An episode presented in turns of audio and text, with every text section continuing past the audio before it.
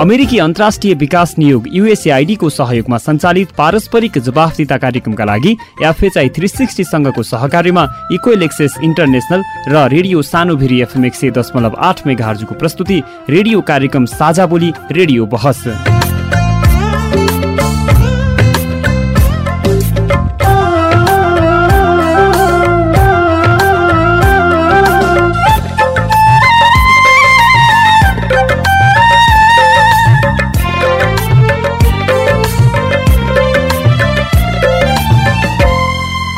नमस्कार साझा बोली रेडियो बहसमा तपाईँलाई हार्दिक स्वागत छ। म मनिष खड्का। साझा बोली रेडियो बहसमा हामी नागरिक समाज आम सञ्चार माध्यम र सार्वजनिक निकाय बीचको पारस्परिक जवाफदिता र आपसिद्धिको सम्बन्धका विषयमा बहस गर्छौँ।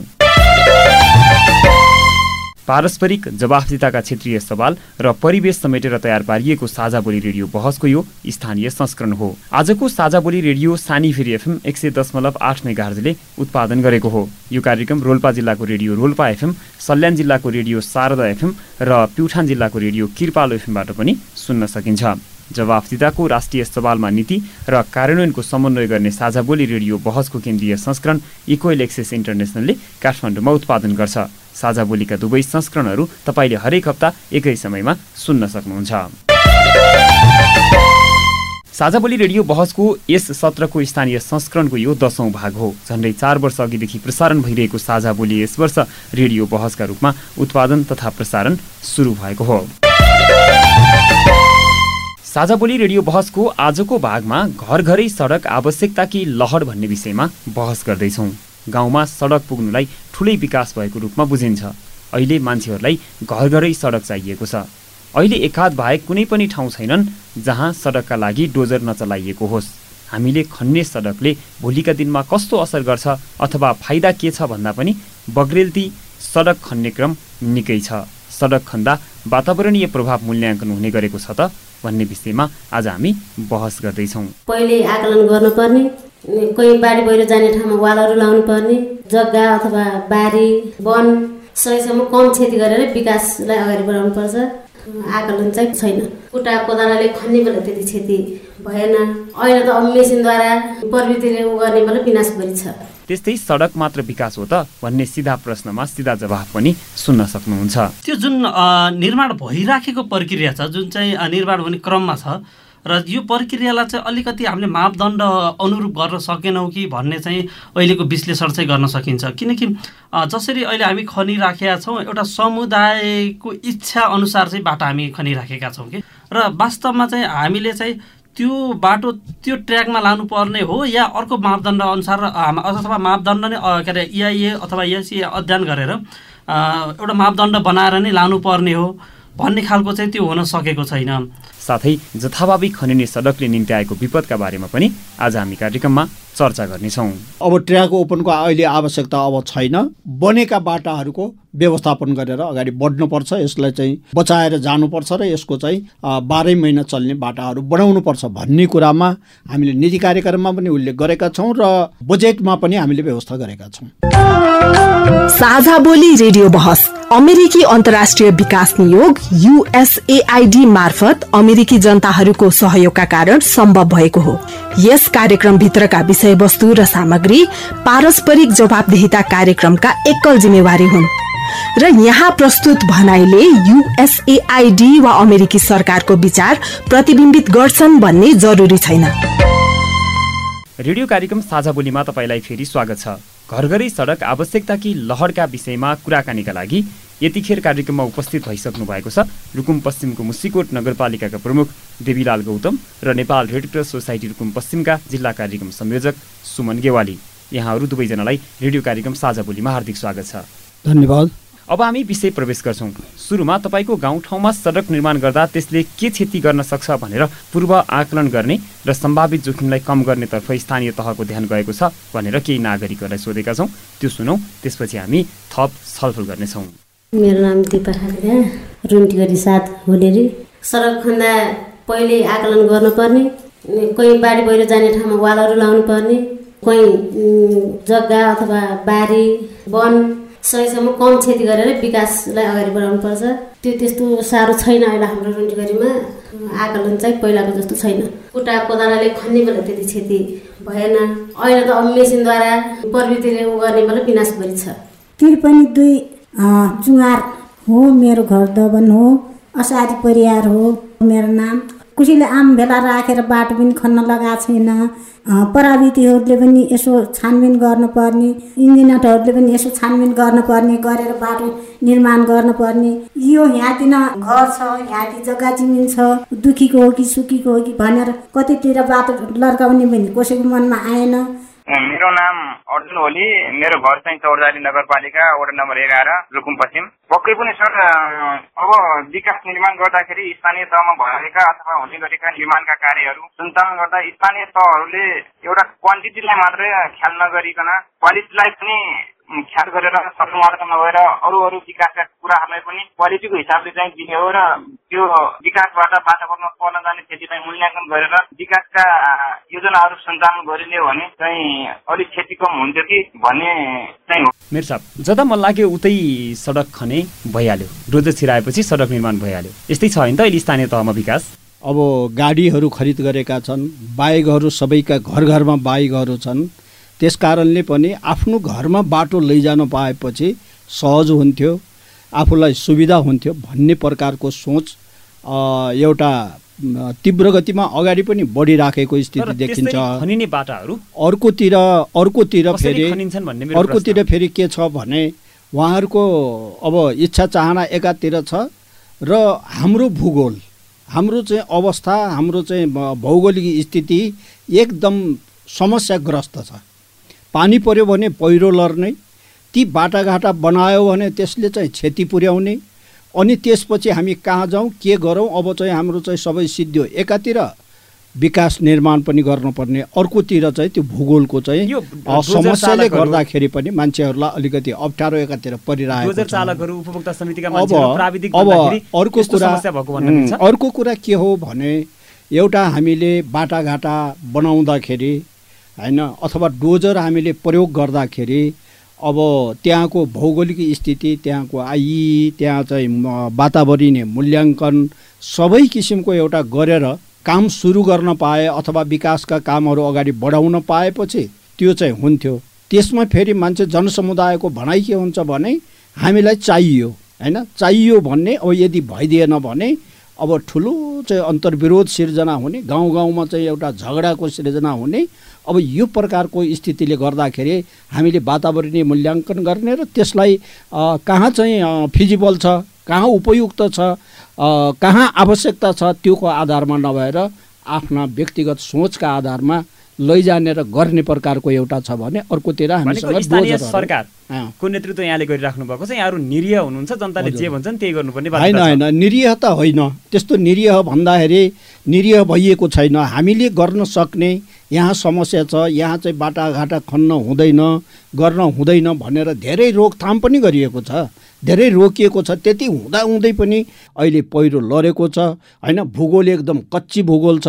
अब यस्तो स्थिति पनि कतै कतै त छ। यसको लागि त यहाँहरूको हस्तक्षेप होइन?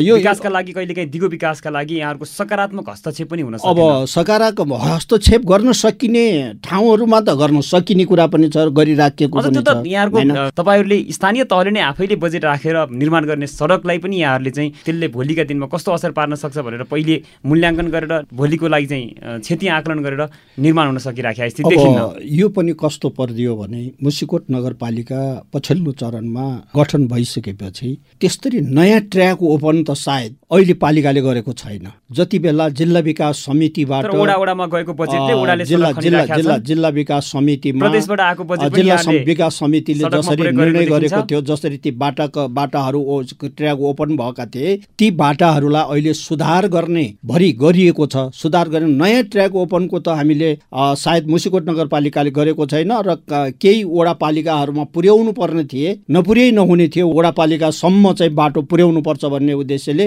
ती बाटाहरू बनाइएका छन् र अरूलाई त स्तर उन्नति र सुधारकै प्रक्रियामा हामी गइरहेका छौँ। एकाध कतै गाउँहरूमा ओडाहरूमा एक घरदेखि अर्को घर जाने बाटाहरू त्यही गाउँका मान्छेहरूले त्यहीकै ओडावासीहरूले ओडा समितिले अब निर्णय गरेर केही बाटाहरू त्यसरी निर्माण गरेका छन् र त्यसले केही केही क्षति पुर्याएको देखिन्छ। हस् म यहाँका एकछिनपछि आउँछु। म सुमन सरकोमा आएँ। अब हामीले गरिराखेको विकास चाहिँ भनौँ न अझ बढी चाहिँ यो सडक निर्माणको कुरा यो सडकको विकास चाहिँ कतिको चाहिँ वातावरण मैत्री छ? जसरी चाहिँ जुन चाहिँ सडकहरू निर्माण गर्ने क्रम भइराखेको छ यो राष्ट्रिय स्तरबाट बन्ने ठुला आयोजनाहरू जुन चाहिँ नेपाल सरकारको अलिकति राष्ट्रिय स्तरका आयोजनाहरू हुन्छन् तिनी आयोजनाहरू चाहिँ अलिकति वातावरण जुन चाहिँ अ, वातावरणीय असर मूल्याङ्कन भनेर भनिन्छ जुन इआइए गर्ने र अर्को चाहिँ सामाजिक असर मूल्याङ्कन भनेर भनिन्छ जुन चाहिँ सोसल इम्प्याक्ट एसेसमेन्ट भन्ने कुरा हुन्छ। अलिकति ठुला आयोजनाहरू गर्दाखेरि चाहिँ त्यो कुरालाई पनि अलिकति ध्यान दिएर गरेको चाहिँ पाइन्छ।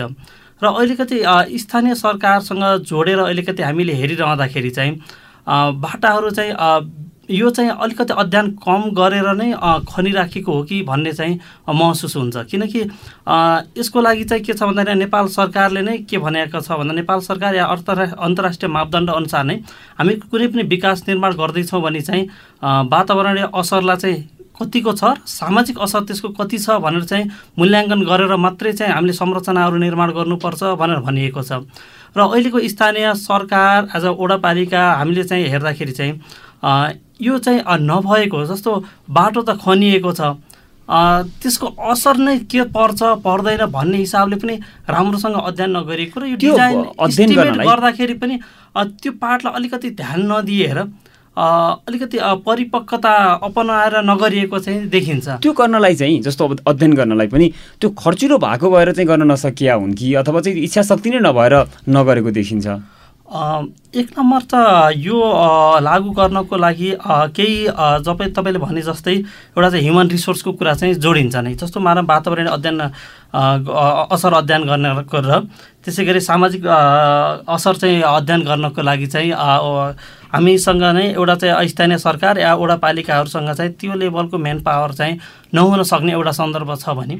अर्को चाहिँ हामीले चाहिँ बाटो त खन्नुपर्छ जसरी खने पनि हुन्छ अथवा बाटो पुर्याउनु पर्छ हाम्रो आवश्यकता नै बाटो हो र जसरी हुन्छ गाउँमा चाहिँ बाटो पुर्याउनु पर्छ भन्ने हिसाबले चाहिँ त्यो कुरालाई मात्रै भएको छ कि। त्यो लेभलबाट चाहिँ छलफल भइरहेको भएर चाहिँ यो कुरालाई अध्य- अलिकति अध्ययन नगरेर नै बाटोहरू खन्ने र जसरी हुन्छ समुदायमा बाटो पुर्याउने मात्र भइराखेको इच्छा शक्तिले चाहिँ कति काम गरेको छ गर्न सकिने तर चाहिँ अब यसलाई भइहाल्छ। खनेपछि भइहाल्यो नि डोजर छिरेपछि गाडी छिरिहाल्छन् भन्ने सोचले कतिको काम गरेर देखिन्छ? होइन यो चाहिँ इच्छा शक्ति भयो भने यो कुनै ठुलो कुरा पनि छैन। अहिले चाहिँ वातावरणीय अ, असर मूल्याङ्कन गर्ने सामाजिक असर मूल्याङ्कन गर्ने कुरालाई चाहिँ धेरै ठुलो विषयवस्तुको रूपमा पनि लिन सकिन्न। किनकि हरेक स्थानीय सरकारको चाहिँ जुन चाहिँ डिजाइन इस्टिमेट गर्ने जुन हाम्रो इन्जिनियरिङ शाखा हुन्छ र उहाँहरूले चाहिँ सर्टेन लेभलको बजेट अनुसारको नै आफूले डिजाइन इस्टिमेटहरू गर्नु पाउने अधिकार छ। कति कुन लेभलसम्म आफै गर्ने कुन लेभलसम्म चाहिँ कन्सल्टेन्ट हायर गरेर गर्ने भन्ने कुरा चाहिँ त्यो एउटा चाहिँ मापदण्ड नै छ। त्यो हुँदाखेरि चाहिँ त्यो मापदण्डमा बसेर काम गर्दाखेरि त्यो आफूले गर्न भ्याउने क्षेत्रलाई चाहिँ त्यो लेभलको चाहिँ अ, वातावरणीय असर अध्ययन गर्ने क्यापासिटी भएको चाहिँ मेन पावर पालिकाले स्तरमै हुन्छ। र अझै ठुलो मेगा प्रोजेक्टमा जाँदाखेरि कन्सल्टेन्सी हायर गर्दाखेरि पनि त्यो कुरालाई चाहिँ अध्ययन गर्ने पार्ट पनि त्यससँग जोडिएको हुन्छ कि? हस् मेरो साहब अब हजुरहरूले गर्ने विकास निर्माण जो सडकलाई हेर्दाखेरि चाहिँ सडक खन्ने बेला हजुरहरूले चाहिँ यी कुराहरूलाई चाहिँ ख्याल गर। त्यसले चाहिँ वातावरणमा के प्रभाव पर्छ समाजमा के प्रभाव पर्छ अथवा भोलिका दिनमा त्यसले पुर्याउन सक्ने असर के हुनसक्छ त्यसलाई हेरेर सामान्य रूपमा पनि पहिरो कम जाने ठाउँमा अलिकति भिरालो कम भएको ठाउँमा चाहिँ सडक खन भनेर भन्न नसकिने स्थिति हो। होइन भन्न नसकिने स्थिति होइन भनी पनि राखिएको छ। त्यसमा ध्यान पुर्याइएको पनि छ त्यति गर्दा गर्दै पनि मान्छेहरू आफ्नो जिद्दी गर्ने प्रकारको एउटा प्रवृत्ति त हाम्रो समाजमा छ। होइन सामाजिक असर त्यसले कति गर्छ त्यति वातावरणीय असर कति गर्छ भन्ने कुराको हामीले जानकारी नगराउने पनि होइन। हामीसँग त्यो चाहिँ जस्तो स्रोत साधन चाहिँ छ कि छैन? सुमन सरले भर्खरै एउटा सानो कुरा जोड्नुभयो स्थानीय तहहरूले चाह्यो भने चाहिँ त्यो सानो म्यान पावर चाहिँ भनेको जनशक्ति चाहिँ व्यवस्थापन गर्न सकिहाल्छन् मेन पावर हामीसँग छ प्रशस्तै मेन पावर पनि छ हामीसँग इक्विपमेन्ट पनि छ सामग्रीहरू पनि छ सबै चिज गर्न शक्तिले काम गर्यो इच्छा शक्ति देखिएन। अब अब त्यो इच्छा शक्ति पनि नभएको होइन इच्छा शक्ति पनि यो गर्नुपर्छ र वातावरणीय प्रभाव पार्ने खालका चाहिँ हाम्रा योजनाहरू बनाउन हुँदैन भन्ने कुरा गरिराखिएको छ। अब त्यति हुँदा हुँदै पनि अब कतिपय ठाउँहरूमा त्यति चाहिँ उ त भए भइरहेको देख्दैन मैले। कतै अब भूगोलको अवस्थाले गर्दाखेरि पहिराहरू जाने अलिकति चाहिँ क्षति पुग्ने त्यस्तो चाहिँ भइरहेछ। तर हामीले रोक्न सक्ने अब डोजरमा हामीले भनेका छौँ डोजर अब चाहिँ परिचालनै गर्न हुँदैन। अब जति हो हामीले डोजर परि डोजर परिचालन गरिसक्यौँ। अब हामीलाई आवश्यक छैन। तर यहाँहरू भन्नुहुन्छ फेरि नगरपालिका। आफैले डोजर चलाउँछ? उन्नति उन्नति चाहिँ गर्नुपर्छ। मतलब प्रगति मतलब त्यसको चाहिँ स्तर उन्नति गर्नुपर्छ। अब चाहिँ डोजर हामीले प्रयोग गर्दैन। ट्र्याक ओपन गर्ने सायद पालिकाभित्र अब हाम्रा त्यस्ता बाटाहरू पनि छैनन्। सुमन सर अब यो जथाभावी सडक खन्ने कुरा एकातिर छ। एउटा चाहिँ अब अलिकति क्वालिटीलाई भन्दाखेरि क्वान्टिटीलाई। खालि सडक खन्या छ भनेर देखाउने तर त्यसको क्वालिटी के छ त्यसको गुणस्तरीयता के छ भन्नेतिर त्यति धेरै ध्यान नदिएको देखिन्छ।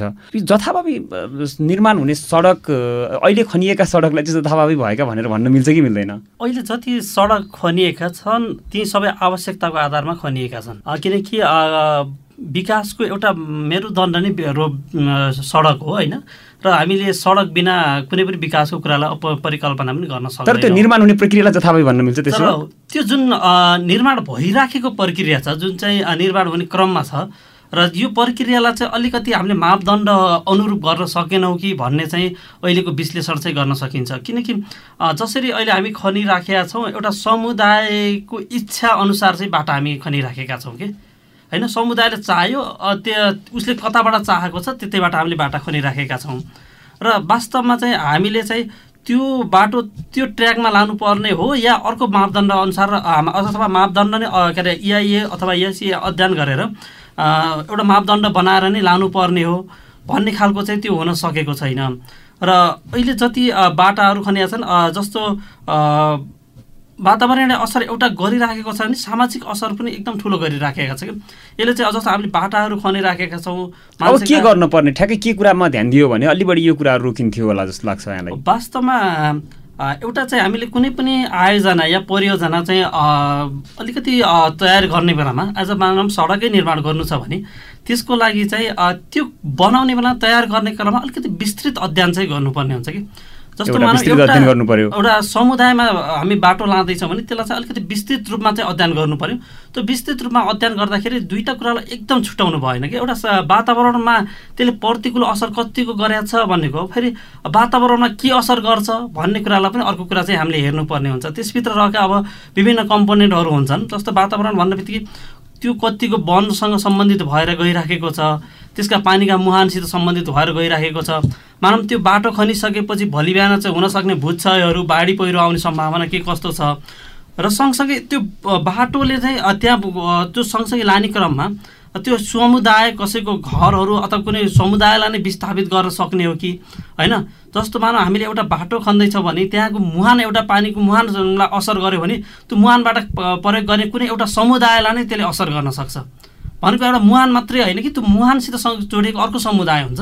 भनेपछि हामीले यो कुराहरूलाई चाहिँ अलिकति आकलन गरेर र विस्तृत अध्ययनमा चाहिँ यी कुराहरूलाई जोडेर चाहिँ बाटोहरू खन्ने कार्यक्रम गरियो भने एउटा यो राम्रो उत्तम हुन्छ। सँगसँगै हामीले विभिन्न बस्तीहरूलाई चाहिँ जोड्ने सडक सकेसम्म दुईवटा खन्नुको सट्टा एउटैले सडकले चाहिँ दुईवटा बस्तीलाई जोड्न सक्छ कि सक्दैन भन्ने खालको उपायहरू पनि अपनाउन कमभन्दा भने- कम सडकले धेरै समुदायलाई जोड्न भने। ध्यान दिनु पर्यो हजुर। हस् हुन्छ। मेर साहब अब यो धेरै समस्याहरू छन् भन्ने कुरा यहाँले आफैले पनि स्वीकारिसक्नु भएको छ। यी समस्याहरूलाई चाहिँ कम गर्नको लागि अथवा जोखिम कम हुने सडक निर्माण गर्नको लागि चाहिँ यहाँहरूले थालेको प्रयास के छ? कहाँ चाहिँ अब हामीले बनाइसकेका रोडहरूमा अब स्तर उन्नति गर्दा कहाँ हामीले चाहिँ मेसिनरी वाल लगाउनु पर्ने कहाँ चाहिँ ग्याबिङ वायर हाल्नुपर्ने अब यसरी चाहिँ जानुपर्ने अवस्था चाहिँ सिर्जना भएको छ र कतिपय ठाउँहरू त्यो गरेर जाँदाखेरि अब सुरक्षित रहने र त्यो अब दीर्घकालीन रूपमा चाहिँ ती विकासहरू दिग दिगो रहने प्रकारको एउटा स्थिति बुझिएको छ र त्यो प्रकारले अहिले सोचिएको पनि छ। तपाईँ अहिले पारस्परिक जवाफदेता प्रवर्धनका लागि साझा बोली रेडियो बहस सुन्दै हुनुहुन्छ। हामी कुरा गरिरहेका छौँ घर घरै सडक आवश्यकता कि लहर भन्ने विषयमा र हामीसँग छलफलमा हुनुहुन्छ रुकुम पश्चिमको मुसिकोट नगरपालिकाका प्रमुख देवीलाल गौतम र Nepal red cross society Rukum पश्चिमका जिल्ला कार्यक्रम संयोजक सुमन गेवाली। यतिन्जेल हामीले सडक निर्माण गर्दा वातावरणीय प्रभावलाई कतिको ध्यान दिइएको छ भनेर छलफल गरेका छौँ। छलफलबाट वातावरणीय प्रभाव मूल्याङ्कन गर्ने जस्ता नियम पालना नगरी जता माग भयो उतै सडक खन्ने र यसले भोलिका दिनमा के क्षति गर्न सक्छ भन्ने बारेमा सरोकारवालाहरू गम्भीर हुन नसकेको देखियो। साझा बोली रेडियो बहसमा अझै हामी के विकास भनेको सडक मात्र हो त किन घर घरै सडक चाहिएको छ भनेर घनीभूत छलफल गर्नेछौँ।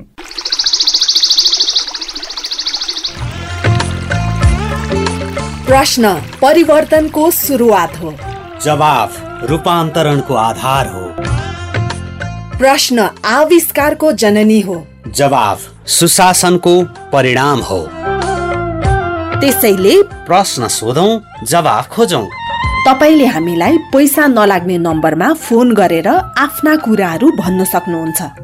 एनसेल प्रयोग गर्नुहुन्छ भने अन्ठानब्बे शून्य पन्ध्र एकहत्तर शून्य उन्तिसमा फोन गर्न सक्नुहुन्छ। एनटिसी प्रयोग गर्नुहुन्छ भने सोह्र साठी शून्य एक शून्य शून्य चार पाँच नौमा फोन गर्न सक्नुहुन्छ। अथवा Boli Sajha at the rate Gmail dot com B O L I S A J H A at the rate Gmail dot कममा इमेल गरेर वा मेरो रिपोर्ट र साझा बोलीको फेसबुक युट्युब ट्विटर टिकटक पोस्टहरूमा सेयर लाइक वा कमेन्ट गरेर पनि आफ्ना कुराहरू भन्नु सक्नुहुन्छ।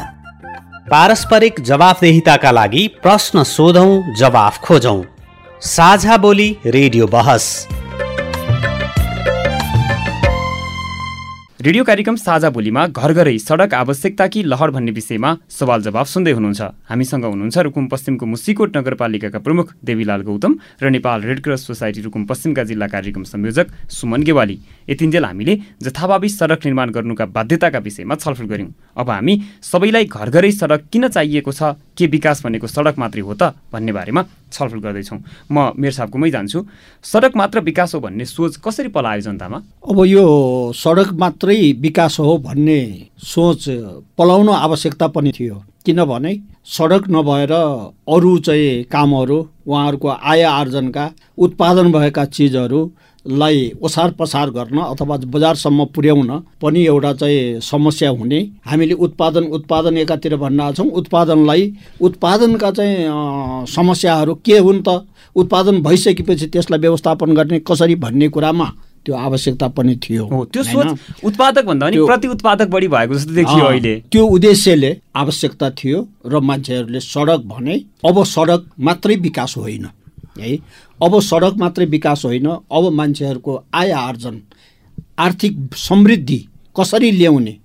अब सडक हामीले निर्माण गऱ्यौँ यसको इन्न स्तर उन्नतिको कुरा हामीले गरिसक्यौँ। अब घर घरको कुरा मैले अगाडि पनि भने अहिले चाहिँ मान्छेहरू अब नगरपालिका हो नगरपालिका त्यो रूपमा विकास पनि गर्नुपर्छ। घर घरमा उहाँहरूको पहुँच पुग्नु पनि पर्छ। त्यो कुरा त्यो मान्यता एकातिर छ भने अर्कोतिर त्यसको हाम्रो चाहिँ वातावरणीय प्रभाव एउटा चाहिँ भौगोलिक स्थितिले गर्दाखेरि सबैका घर घरमा आवश्यकता त महसुस भएको होला तर सबैको घर घरमा पुग्न सक्ने सम्भावना पनि त्यस्तो देखिँदैन। अब त्यो भोलिका दिनहरूमा विकास निर्माणको कुरा हो त्यो हुँदै जाने कुरा नै भयो। अब विकास भनेको कृषि उत्पादनमा विकास हो मान्छेहरूको रोजगारमा विकास हो रोजगार सम्पूर्ण मान्छेहरू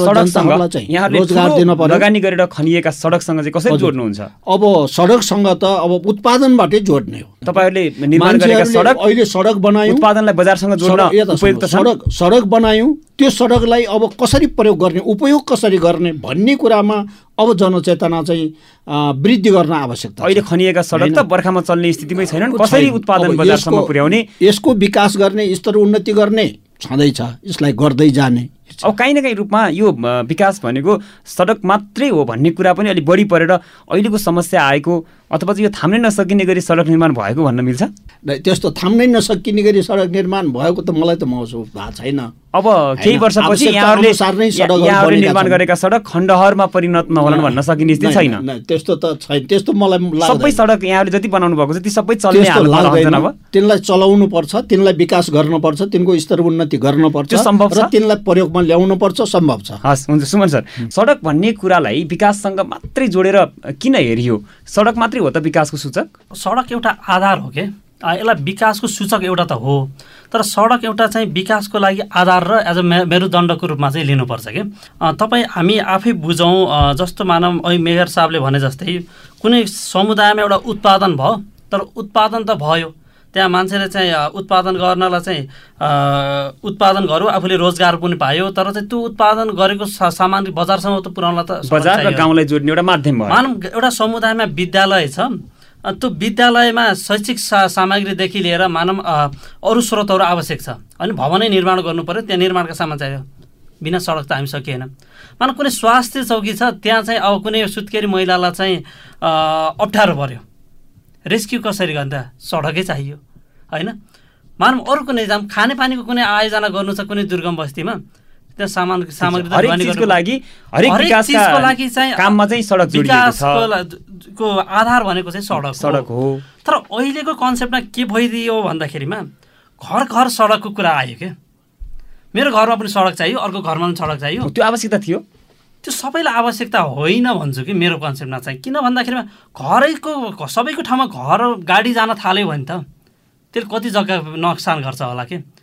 मानव एउटा समुदायमा चार पाँचवटा घर एक साइड एक साइड मिलेर बस्या हुन्छ सबैको घरमा गा बा बाटो लान थाल्यो भने मानव त त्यो तल्लो घरका लगको बाटोले माथिल्लो घरकालाई असर गर्छ माथिल्लो घरका लगको बाटोले अर्को घरकोलाई असर गर्छ कि? भनेपछि त्यो समुदायको लागि एउटा एक ठाउँ एउटा गन्तव्यसम्मको लागि मात्रै बाटो आवश्यक हो कि? तर सबैको घरको लागि बाटो आवश्यक होइन।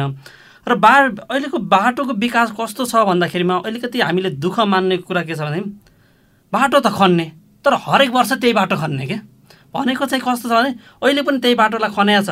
पैसा हालेको छ त्यही खन्या छ। अर्को वर्ष पनि त्यही बाटो हालेको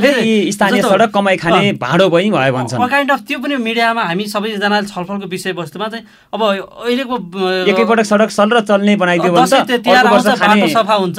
अनि फा फागुन चैत वैशाखसम्म जान्छ। अलिअलि त्यो बाटोमा चाहिँ गाडीहरू गुड्छ फेरि वैशाखपछि आएर चाहिँ त्यो बाटो बन्द हुन्छ। भनेको त्यसलाई भाँडो भनेका छन्। अब अहिले सडक सर र चल्ने बाह्रै महिना चल्ने सडक भयो भने त अर्को वर्ष बजेट केमा माग्ने? कसरी खाने भन्ने किसिमले नि मान्छेले विश्लेषण गर्न थालेका छन् अब कता कता यो सधैँभरि बाटोमै मात्रै बजेट खनाइरहँदाखेरि चाहिँ कि अब हामीले विकास कि बाटो नै हो त? होइन जनताले बुझेको पनि यी बाटोमै रहेछ त्यहाँ। होइन मान्छेले चाहिँ यो बजेट बाटोमै पनि छ सजिलो। अरू ठाउँमा त लगानी गर्न अप्ठ्यारो। फेरि काम गरेपछि पनि देखाउनलाई सजिलो के? डोजर लगाइदियो सम्माइदियो भयो। तर वास्तवमा चाहिँ गलत कहाँ भइराखेको छ भन्दाखेरिमा बाटो त खनियो तर त्यो बाटो चाहिँ बर्खामा पनि हामीले खन चलाउन सक्ने गरी चाहिँ खन्यौँ कि खनेनौँ त? होइन? हामीले अफ सिजन र सिजनमा सिजनमा मात्रै हामी चलाउन सक्यौँ। अफ सिजनमा हामी चलाउन सक्यौँ कि सकेनौँ त? त्यो हिसाबको अध्ययन गरेर त्यो हिसाबको परिपक्वताले चाहिँ बाटो खनिएको छैन कि? हस् मेरो साहब कतिन्जेल यो सडकमा चाहिँ बजेटै बजेट खनाइराख्ने हो? अब सडकमा अब खन्याउने होइन। सडकमा खन्याउने कुरालाई हामी धेरै अब रोक्न गइरहेका छौँ। तर आवश्यकता अनुसार फेरि दिनु पनि पर्ने हुँदो रहेछ। रोक्नुहुन्छ? अहिले डोजर लायो? दसैँसम्म राम्रो चल्छ। दसैँमा चाहिँ बाटो टिलिक्क पारिन्छ मर्मत सर्मत गरेर बजेट पनि यहाँले छुट्याउनुहुन्छ। फेरि त्यो जेठसम्म बढी चलेपछि जेठसम्म चल्छ त्यसपछि फेरि बर्खा आउँछ बगाएर लैजान्छ फेरि अर्को वर्ष बजेटमा सडकमा बजेट हाल्नै पर्छ। ठिक हो। अहिले त्यसलाई हामीले के भनेका छौँ भने अब हुँदैन। हाम्रा चाहिँ बाह्रै महिना चल्ने खालले हामीले सडकहरू बनाउनुपर्छ दुईवटा चारवटा आठवटा। कति बनाउन सकिन्छ त्यो हिसाबले हामी जानुपर्छ।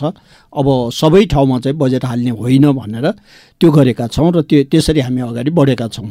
र अब सबै बाटाहरू बिग्रिएका त हुन्छन्। फेरि केही दिन सञ्चालन गर्नको निम्ति हामीले त्यसलाई मर्मत सम्भार कोष राखेर त्यसबाट हामीले फेरि त्यो त्यो पनि सरसफाइ गर्नुपर्छ।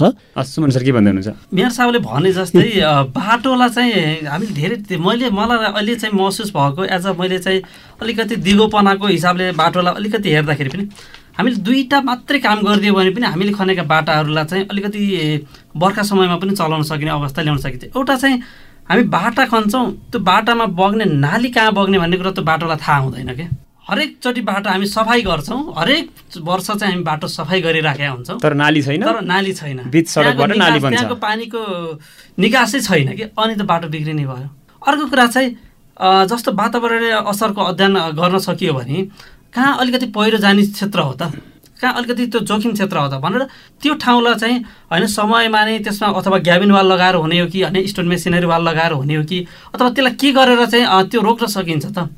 भनेर अलिकति दुईवटा काम मात्र गर्न सकियो भने मलाई लाग्छ अहिले खनेका बाटामा पचास प्रतिशत बाटाहरू चाहिँ राम्रोसँग पनि बर्खामा चल्न सक्ने अवस्था आउन सक्छ कि? हस्। साझाबोली रेडियो बसमा अहिले हामी कुरा गरिरहेका छौँ घर घरै सडक आवश्यकता कि लहर भन्ने विषयमा। र हामीसँग छलफलमा हुनुहुन्छ रुकुम पश्चिमको मुसिकोट नगरपालिकाका प्रमुख देवीलाल गौतम र Nepal Red Cross Society Rukum पश्चिमका जिल्ला कार्यक्रम संयोजक सुमन गेवाली। अहिले भर्खरै हामीले विकास भनेको सडक मात्र हो त भन्ने विषयमा छलफल गरेका छौँ। विकास भनेको सडक नै हो भनेर सरोकारहरूले पारिरहेका छन् र जनताको अनावश्यक मागका अगाडि पनि स्थानीय तहहरू दबावमा परेको देखिन्छ। विकास भनेकै सडक हो भन्ने पर्नाले मानिसहरूलाई घर घरै सडक चाहिएको छ भन्ने हामीले निष्कर्ष निकालेका छौँ। साझा बोली रेडियो बहसमा अझै हामी जथाभावी खनिने सडकले निम्ति आएको विपद न्यूनीकरणका लागि ध्यान दिनुपर्ने कुराहरूका विषयमा छलफल गर्नेछौँ। साझा बोली रेडियो बहस सुन्दै गर्नुहोला।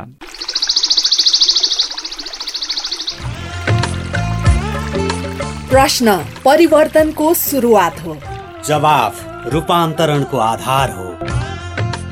प्रश्न आविष्कारको जननी हो। जवाफ सुशासनको परिणाम हो। त्यसैले प्रश्न सोधौं जवाफ खोजौं।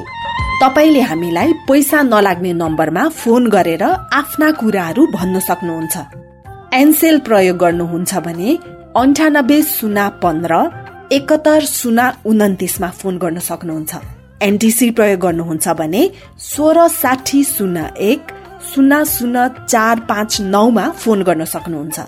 अथवा Boli Sajha at the rate Gmail dot com B O L I S A J H A at the rate Gmail dot कममा इमेल गरेर वा मेरो रिपोर्ट र साझा बोलीको फेसबुक युट्युब ट्विटर टिकटक पोस्टहरूमा सेयर लाइक वा कमेन्ट गरेर पनि आफ्ना कुराहरू भन्नु सक्नुहुन्छ। पारस्परिक जवाफदेहिताका लागि प्रश्न सोधौं जवाफ खोजौं। साझा बोली रेडियो बहस। कार्यक्रममा अब हामी जथाभावी खनिने सडकले निम्ति आएको विपद न्यूनीकरणका लागि ध्यान दिनुपर्ने कुराहरूका विषयमा छलफल गर्छौँ। त्योभन्दा पहिला हामी जथाभावी खनिएका सडकले कस्तो विपद निम्ति आएको छ भनेर केही नागरिकहरूका कुरा सुन्छौँ त्यसपछि थप छलफल गर्नेछौँ। नमस्कार म लोकेन्द्र कठायत मुसिको नगरपालिका वार्ड नम्बर दसबाट। उपयुक्त भूगोल छनौट नगरी जथाभावी खनिएको सडकले हाम्रो भौगोलिक स्वरूप नै परिवर्तन गरेको छ। वडा नम्बर दसको वडा कार्यालय उच्च जोखिममा छ। यस्तै गरी महिला सहकारी भवन होलतारा उच्च जोखिममा छ। भेरी खोला लघु जलविद्युत आयोजनामा पनि ठुलो क्षति भएको छ। लिङ्गुर साउनी पानी झ्याङ होल लगायतका थुप्रै बस्तीहरू उच्च जोखिममा परेका छन्। यसै गरी हाम्रो मुसिकोट नगरपालिका दसको अन्तर्गत एक घर एक धारा खानेपानीका पाइपका लाइनहरू खानेपानीका ट्याङ्कीहरू पनि भत्किएको छ। यस्तै त्यहाँका विभिन्न बाटो घाटो पुलहरू त्यसपछि चौतारी सबै संरचनाहरू भत्किएको छ। मेरो साहबको जान चाहन्छु अहिले चाहिँ अब विकास भनिएका सडक चाहिँ विनाशको मुख्य कारक चाहिँ बनिरहेका छन्। यसलाई कसरी रोक्ने कहिले रोक्ने? अब यो दस नम्बरको जो को कुरा आएको छ नौ नम्बर दस नम्बर यो शीतल पोखरी चुनबाङ सडकको डिपिआर पनि कसरी भएको हो र त्यो बाटो लिनुपर्ने ठाउँबाट नलिएर माथि उकालिसकेपछि त्यो उकालेर जाँदाखेरि त्यसले ठुलो क्षति पुर्याएको छ यो एकदम सत्य हो भूगोल खनिँदा। कस्तो क्षति पुग्छ कस्तो। विपद आउँछ भनेर हेर्नलाई। एउटा यो ज्वलन्त उदाहरण ज्वलन्त उदाहरण त्यो बनेको। छ त्यो चाहिँ त्यो बुद्धिजीवीहरूबाटै इन्जिनियर अथवा कन्सल्टेन्सी अथवा चाहिँ को कसले त्यो चाहिँ त्यसको डिजाइन इस्टिमेट गरेको हो त्यसको डिपिआर कसरी भएको हो प्रत्येक वर्ष राज्यको लगानी ठुलो मात्रामा भइरहेको छ तर पनि त्यो बाटो बन्ने सम्भावना देखिँदैन अरू ठाउँहरूमा त त्यस्तो अहिलेसम्म देखा परेको छैन एकाध पहिरो जाने अलिकति अवरुद्ध हुने र त्यसलाई बनाएर जाने प्रकारको कुराहरू भइरहेको छ। त्यस्तो चाहिँ समस्याग्रस्त हाम्रो चाहिँ पालिकाभित्र अरू ठाउँमा त्यस्तो मैले देखाएको छैन। सुमन सर विकासको एउटा सूचक सडकले यसरी यति विघ्न चाहिँ विपदको रूप लिने कारण चाहिँ त्यही हामीले भनेको नियमभित्र रहेर सडक निर्माण नगर्नु नै हो कि? अरू केही कुराले पनि रोल खेलेको छ। सबैभन्दा त एउटा चाहिँ सडक निर्माणको मापदण्ड छ। त्यसलाई चाहिँ फलो गरिएन भने सुरुबाट नै कुरो बिग्रियो। जस्तो मानौँ त्यो मेजर रेस्पोन्सिबिलिटी कसको भन्दाखेरिमा एउटा इन्जिनियरको हो। उसले सर्वे गर्नेदेखि लिएर चाहिँ डिजाइन इस्टिमेट गर्दाखेरिसम्म उसले चाहिँ त्यो कम्पोनेन्टमा चाहिँ जस्तो वातावरणमा कतिको असर गर्छ सामाजिक रूपमा कतिको असर गर्छ त्यो फिजिबल छ कि छैन र त्यहाँबाट बाटो लानु हुन्छ कि हुन्न भनेर मात्रै डिजाइन इस्टिमेट चाहिँ तयार गर्नुपर्ने हुन्छ कि। अहिलेको डिजाइन इस्टिमेट धेरै कुरा चाहिँ हेर्दाखेरि चाहिँ के देखिन्छ भन्दाखेरिमा त्यहाँ न एक नम्बर त नपुगिकन त्यो डिजाइन इस्टिमेट तयार भएका पनि कति कुरा चाहिँ हामीले देख्न सकिन्छ। एउटा चाहिँ सबैभन्दा ठुलो समस्याको जटिल जुन चाहिँ फिल्डमै नखटिकन पनि डिजाइन इस्टिमेट तयार हुने।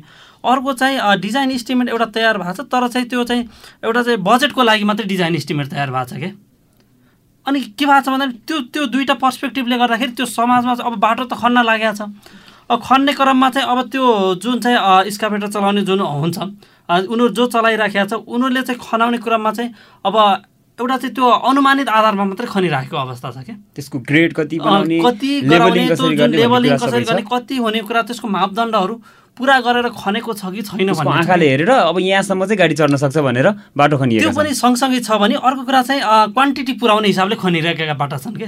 जति हामीले क्वान्टिटी पुऱ्याउने हिसाबले खनिरहँदाखेरि के भएको छ भन्दामा चाँडै चाहिँ त्यसले पहिरो निम्ताइदिने त्यसले असर गर्ने कुराहरू चाहिँ छिटो भइराखेको छ एउटा कुराले सडक निर्माणकै प्रक्रियामा त्रुटिपूर्ण चाहिँ त्यो व्यवहारका कारणले पछि त्यसले निम्ताइराखेको त्यसले नै समस्या निम्ताइराखेको छ। सुरुमा नै अलिकति राम्रोसँग अध्ययन गरेर र त्यो कुराहरूलाई चाहिँ राम्रोसँग हेरेर चाहिँ डिजाइन इस्टिमेट तयार गरेर र त्यही अनुसारले नै बाटो खन्न लगाइयो जसमा अहिले निर्माण भएका सडकको त्यसलाई त अब हामीले रोक्न सक्ने स्थिति छैन त्यो सडकलाई पुर्न सक्ने स्थिति छैन त्यसलाई चाहिँ फेरि सुरुवात निर्माण गर्न सक्ने स्थिति छैन निर्माण भइसक्यो निर्माण भइसकेका सडकले पनि ल्याउन सक्ने क्षति पुर्याउन सक्ने क्षतिका विषयमा चाहिँ त्यसलाई कम गर्नको लागि चाहिँ प्रयास भएको जस्तो देखिन्छ देखिन्न। अहिलेको प्रयासको रूपमा चाहिँ के छ भन्ने कुरामा चाहिँ केही सन्दर्भमा पालिकाहरूले गर्ने प्रयास गरेको के देखिन्छ भन्दाखेरि अब त्यसलाई चाहिँ त्यो कोही ठाउँ चाहिँ पहिरो जान लागेको छ भने त्यसलाई चाहिँ अब त्यहाँ वाल लगाउने कुन किसिमको वाल लगाएर चाहिँ त्यहाँ चाहिँ प्रोटेक्ट गर्न सकिन्छ भनेर त्यो हिसाबले चाहिँ अगाडि बढ्ने र त्यसलाई चाहिँ पुनः सफाइ गर्ने त्यहाँ नाली काट्ने गर्ने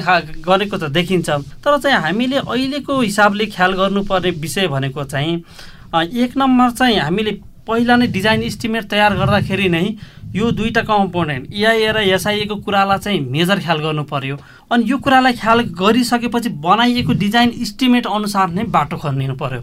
र यदि चाहिँ जब त्यो गर्दा अहिले निर्माण भइसकेपछि पनि त्यसलाई त्यसको जोखिम कम रहोस् भनेर केही गर्ने ठाउँ छ छैन। जस्तो अहिले निर्माण भइसकेपछि नै अब केही छ कि भनेर गर्न सकिने ठाउँ हुनसक्छ तर चाहिँ भवितव्यलाई नै पुरै रूपमा चाहिँ सो रोक्न सकिन्छ भन्ने चाहिँ हुँदैन। हस् मेरोसम्म छोटोमा जान्छु अन्त्यमा छौँ हामी। यसै विषयमा मैले अलिकति के न्यूनीकरणका लागि। अहिले बनिसकेका सडकको क्षति न्यूनीकरणका लागि चाहिँ यहाँहरूले के सोच्नु भएको छ? यसै विषयमा मैले अलिकति के भनौँ भने प्राविधिकहरूले यसको राम्रो अध्ययन अनुसन्धान गरेन भने र यसलाई चाहिँ जानकारी गरेन भने यसले पनि क्षति अलिकति बिहोर्नु पर्दो रहेछ भन्ने कुरा एउटा मलाई महसुस भएको छ। अर्को कुरा अब यसको निम्ति हामीले अब क्षतिबाट बच्नको निम्ति कहाँ के छ अवस्था त्यसको सबै कुराको मूल्याङ्कन गरेर बनेका चाहिँ विकास निर्माणमा अथवा बाटाघाटामा अब त्यहाँ चाहिँ रोकथामको निम्ति हामीले कार्यक्रम पनि बनाएका छौँ योजना बनाएका छौँ र त्यसलाई अध्ययन गरेर त्यही अनुसारले उसको संरक्षण गर्ने प्रकारले जाने र अर्को कुरा यहाँ के भइरहेको छ भने जस्तो अघि उहाँले पनि ल्याउनुभयो कुरा हामीले रोड त बनाउने लाखौँ रुपियाँ खर्च त गर्ने। एउटा चाहिँ हामीले त्यो नाली नबनाइदिँदाखेरि कच्ची बाटो छ भनेपछि पनि त्यहाँ चाहिँ नालीको एउटा व्यवस्था गर्न गर्न सक्यौँ भने धेरै रोकथाम हुन्छ धेरै बचाउ हुन्छ। र त्यसले गर्दाखेरि पनि यहाँ बिग्रिएको छ र यसलाई चाहिँ हाम्रा बनेका बाटाहरूलाई अब कुनै पनि हालतमा नालीको व्यवस्था हामीले गर्नुपर्छ र जहाँ चाहिँ हामीले मेसिनरी वाल उठाएर बस्ने छ त्यहाँ उठाउनुपर्छ। जहाँ चाहिँ ग्याबिङ वायर लगाएर बचाउन सकिन्छ त्यसलाई बचाउनु पर्छ भन्ने योजनामा हामी अहिले गएका छौँ। साझाबोली रेडियो बहसमा अहिले हामी कुरा गरिरहेका छौँ घर घरै सडक आवश्यकता कि लहर भन्ने विषयमा। र हामीसँग हुनुहुन्छ रुकुम पश्चिमको मुसिकोट नगरपालिकाका प्रमुख देवीलाल गौतम र Nepal Red Cross Society Rukum पश्चिमका जिल्ला कार्यक्रम संयोजक सुमन गेवाली। अब हामी कार्यक्रमको अन्त्यतिर छौँ। मेरो सब अन्त्यमा तपाईँले धेरै कुरा भनिसक्नु पनि भएको छ। तपाईँको स्थानीय तहमा अब जथाभावी सडक खन्ने क्रम चाहिँ ठ्याक्कै गरी रोकिन्छ। र यसलाई कम गर्नको लागि चाहिँ त्यो क्षति पनि हुनसक्छ र जथाभावी सडक खन्ने कुरालाई रोक्ने कुरा पनि हुनसक्छ। त्यसलाई रोक्नको लागि ठ्याक्कै नीति कार्यक्रम के बनाउनु भएको छ? अब नीति कार्यक्रममै हामीले अहिले उल्लेख गरेका छौँ। मैले अगाडि पनि भने है हामीले अब यसलाई रोकथाम गर्नुपर्छ र स्तर उन्नति गर्नुपर्छ। बाह्रै महिना चल्ने बाटाहरूको विकास गरेर जानुपर्छ। अब ट्र्याक ओपन हामीले गर्न हुँदैन। अब ट्र्याक ओपनको अहिले आवश्यकता अब छैन। र बनेका बाटाहरूको व्यवस्थापन गरेर अगाडि बढ्नुपर्छ। यसलाई चाहिँ बचाएर जानुपर्छ र यसको चाहिँ बाह्रै महिना चल्ने बाटाहरू बनाउनुपर्छ भन्ने कुरामा हामीले नीति कार्यक्रममा पनि उल्लेख गरेका छौँ र बजेटमा पनि हामीले व्यवस्था गरेका छौँ। यहाँले डोजर नचलाउने भनेर पनि धेरै पटक कुराहरू उठाउनुहुन्छ। यो पटक त्यो कार्यक्रमलाई चाहिँ नीतिमा चाहिँ सहभागी समावेश गराउनु भएको छ कि? अब कार्यान्वयन भएन भएन भनेर त्यसलाई छोडिदिनु भएको छ? अब नीतिमा हामीले बोलेका छौँ है? अब डोजर धेरै प्रयोग गर्नु हुँदा अब अति आवश्यक ठाउँमा त प्रयोग गर्नु पनि पर्यो। कतै त अब आवश्यकता पनि पर्छ। त्यो जताभावी चाहिँ हामीले अब डोजर चाहिँ परिचालन गर्नुपर्छ सञ्चालन गर्नुपर्छ भन्ने कुरामा रोक लगाउनै खोजेका छौँ। हस् सुमन सर हामी अन्त्यमा छौँ। धेरै कुरा उठिसकेको छ। अब यहाँहरू जस्तो नागरिक समाजको यो यो अहिले हामीले छलफल गरेको विषयमा के भूमिका रहन्छ? जस्तो जथाभावी सडक निर्माण हुन नदिने कुराहरूमा यहाँहरूको के भूमिका रहन्छ? र अब चाहिँ जथाभावी सडक निर्माण गर्ने कुराहरूलाई रोक्नको लागि चाहिँ ठ्याक्कै के कुरामा ध्यान दिनुपर्छ? नागरिक समाजले गर्ने भनेको चाहिँ जो चाहिँ सरकारवाला निकायहरू हुन्छ उहाँहरूलाई चाहिँ सुशिक्षित गर्ने काम चाहिँ गर्न सक्छ। जस्तो मानौँ अहिले बनिरहेका रोडहरूदेखि लिएर चाहिँ भोलि बिहान बन्ने कुराहरूमा चाहिँ के कुराको मापदण्ड चाहिँ अपनाउनु पर्छ भन्ने कुरालाई चाहिँ अलिकति सुसूचित गर्ने एज अ त्यो निर्माण गर्ने चाहिँ एज अ सरकारको पक्षबाट होला या त ज उपभोक्ता या त जनताको पक्षमा चाहिँ त्यो अलिकति जानकारीमूलक गराउने अनि उनीहरूलाई चाहिँ सुसूचित गर्ने काम गर्न सक्छ भने अहिलेको जो बनिरहेको कुरालाई चाहिँ दिगोपाना गराउनको लागि हामीले एउटा वातावरणीय पक्षलाई हेर्नै पर्छ र अर्को कुरा चाहिँ सामाजिक पक्षलाई हेर्नै पर्छ र सँगसँगै आर्थिक पक्षलाई पनि हेर्न सकियो भने बल्ल त्यो दिगोपना नै हुनसक्छ यसमा यहाँहरूको भूमिका रहन्छ?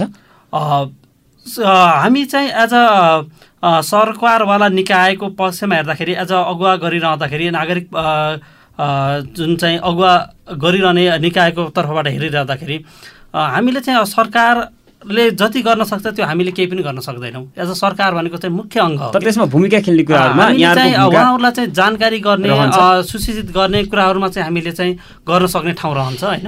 र अर्को कुरा चाहिँ सँगसँगै कति कुरा चाहिँ नीति निर्माण गर्ने कुराहरूमा उहाँहरूलाई चाहिँ सघाउने कुराहरू पनि हुनसक्छ यो कुराहरू चाहिँ यसमा प्रतिबद्ध हुनुहुन्छ यसमा चाहिँ हामी गर्न सक्छौँ पनि होइन? गर्न गरिराखेका पनि छौँ। कति कुरामा उहाँहरूलाई सूचित गर्ने कुराहरूमा पनि भइराखेको छ। र अहिलेको सन्दर्भमा अन्तमा भन्नुपर्दाखेरि चाहिँ सडक बनाउँदाखेरि धेरै कुरामा ध्यान हामी हाम्रो त्यो क्षमताले भ्याउँछ कि भ्याउन थाहा छैन।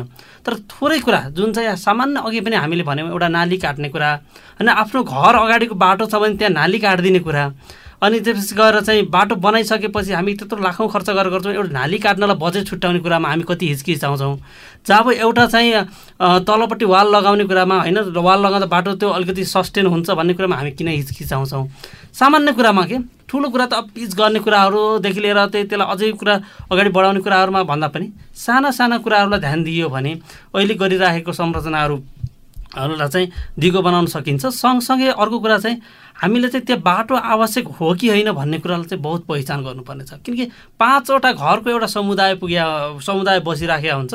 तर त्यसको लागि एउटा बाटो एउटा लाइनबाट पुगिसकेका हुन्छ भने उसलाई फेरि छोटो बाटो चाहिएको हुन्छ क्या।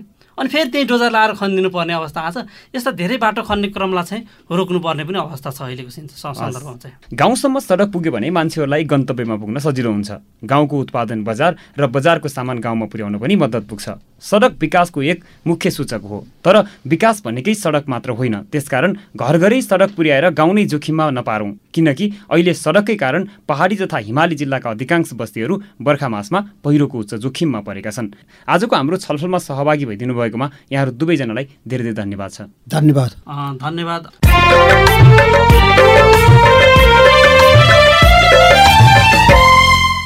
हामी साझाबोली रेडियो बहसको अन्त्यमा आइपुगेका छौँ। साझाबोली रेडियो बहसबारे मनको कुरा भन्नको लागि एनटिसीको मोबाइल वा ल्यान्डलाइन फोन प्रयोग गर्नुहुन्छ भने सोह्र साठी शून्य एक शून्य शून्य चार पाँच नौ नम्बरमा फोन गर्नुहोला। एनसेल प्रयोग गर्नुहुन्छ।